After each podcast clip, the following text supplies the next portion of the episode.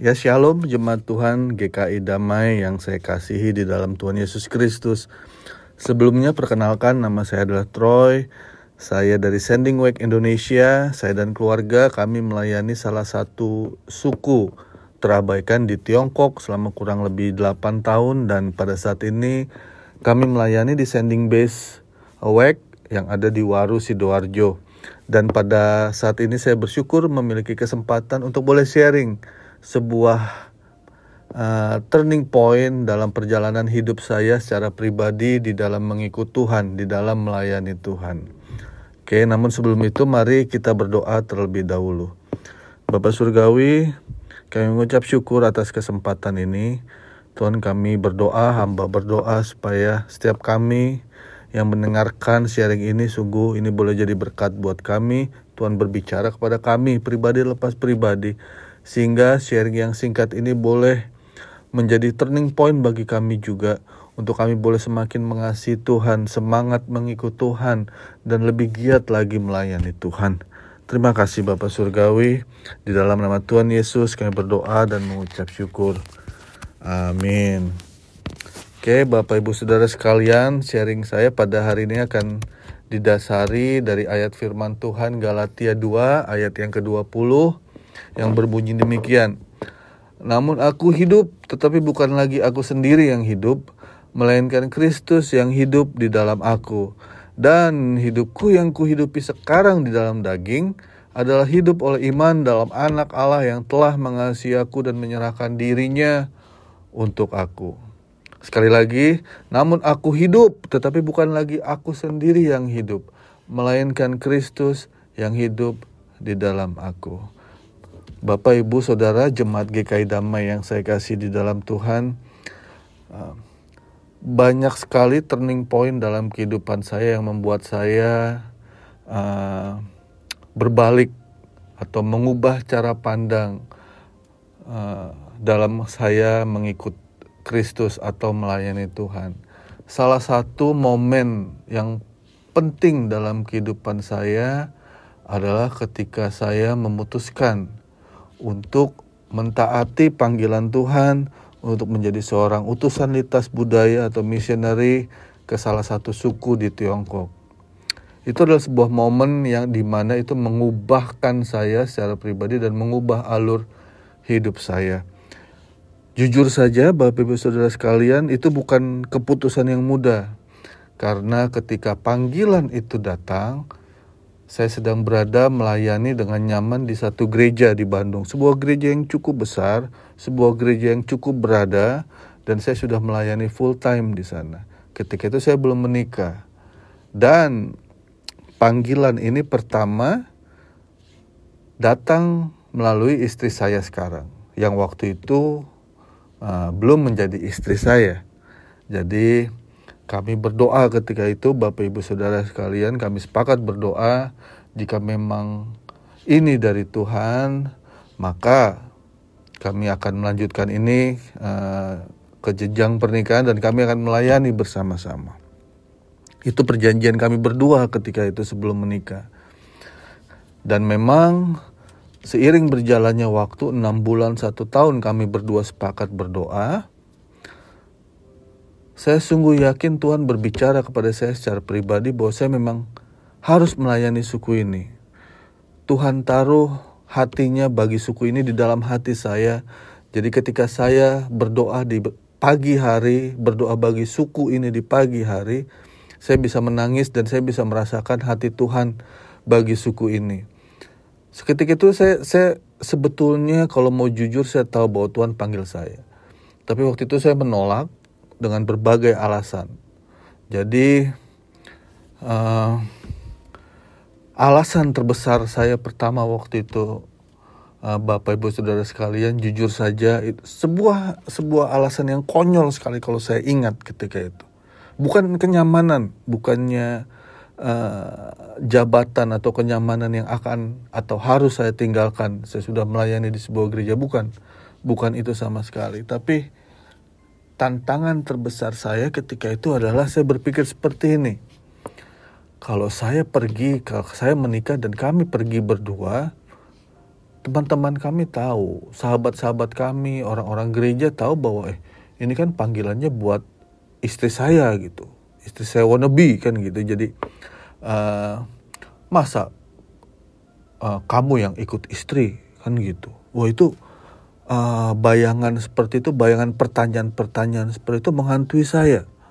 Dan jujur saja itu membuat saya ah iyalah meragukan panggilan Tuhan meragukan panggilan Tuhan untuk uh, menjadi seorang misioneri.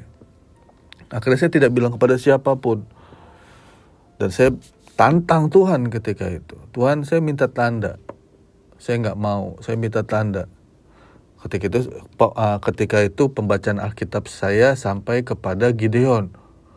Dan saya waktu itu minta tanda. Tuhan, saya minta tanda tiga kali. Dan memang saya, tanpa saya memberitahu siapa pun bahwa sepertinya Tuhan memang panggil saya uh, melayani suku ini, saya terus melayani di gereja itu. Dan sambil meminta tanda dari Tuhan, ketika itu sukacita saya dalam melayani Tuhan di sebuah gereja itu semakin hari semakin diangkat oleh Tuhan. Saya sudah tidak damai lagi, saya sudah tidak ada sukacita di dalam melayani Tuhan Lalu seiring berjalannya waktu uh, dalam proses berdoa kami berdua ketika itu Tuhan benar-benar memberikan saya sebuah jawaban bukan bukan hal yang spektakuler atau uh, petir atau apa bukan Bapak Ibu Saudara sekalian tapi melalui ayat-ayat firman Tuhan yang saya baca setiap pagi. Jadi ketika itu saya minta tanda tiga kali dan benar saja bahwa ketika itu ayat-ayat dalam Alkitab yang saya baca ketika itu menunjukkan saya tiga tanda secara percis bahwa saya harus pergi tiga kali. Tiga translation yang berbeda dalam bahasa Inggris memakai kata yang sama yang mengatakan secara pribadi kepada saya ketika itu saya harus pergi. Pada detik itu saya tidak bisa lagi mengelak, saya menangis dan saya mengaku bodoh di hadapan Tuhan, saya menyesal dan saya berdoa. Saya minta ampun bahwa selama ini saya ego saya. Hmm, saya merasa kehormatan saya yang paling utama, harga diri saya di atas segalanya. Itu semua ketika itu runtuh dan saya minta maaf, saya minta ampun di hadapan Tuhan. Dan setelah itu saya bilang calon istri saya yang mana istri saya sekarang ini bahwa memang Tuhan panggil saya ke sini dan kita akan pergi bersama-sama dan saya juga ketika itu juga saya datang ke pemimpin gereja dan saya resign dan saya jelaskan alasannya bahwa saya akan pergi melayani Tuhan di suku ini. Bapak Ibu Saudara yang saya kasih di dalam Tuhan, saya percaya sekali bahwa kita punya begitu banyak momentum ketika kita melayani Tuhan. Dan dari momentum-momentum itu saya percaya itu terjadi menjadi sebuah momentum karena ketika itu Tuhan berbicara kepada kita secara spesifik dan ini adalah salah satu momentum dalam hidup saya. Saya percaya bahwa ketika saya hidup, hidup saya bukan hidup saya lagi. Ketika saya percaya Kristus hidup saya bukan milik saya lagi, tetapi Kristus yang hidup dalamku. Tapi ketika Tuhan meminta saya, "Hei, saya taruh ini dalam hatimu, engkau pergi karena saya mengasihi orang-orang ini, saya mengasihi suku ini, suku ini belum pernah mendengarkan Injil sekalipun. Kau pergi ke sana, ketika itu harga diri saya yang ada di atas, ego saya yang ada di atas. Saya tahu secara pengetahuan, secara pengetahuan Alkitab bahwa hidup saya bukan hidup saya lagi, melainkan Kristus yang hidup dalamku. Tapi ketika hal-hal seperti ini datang, hidup saya yang berkuasa, ego saya yang berkuasa menguasai hati dan pikiran saya.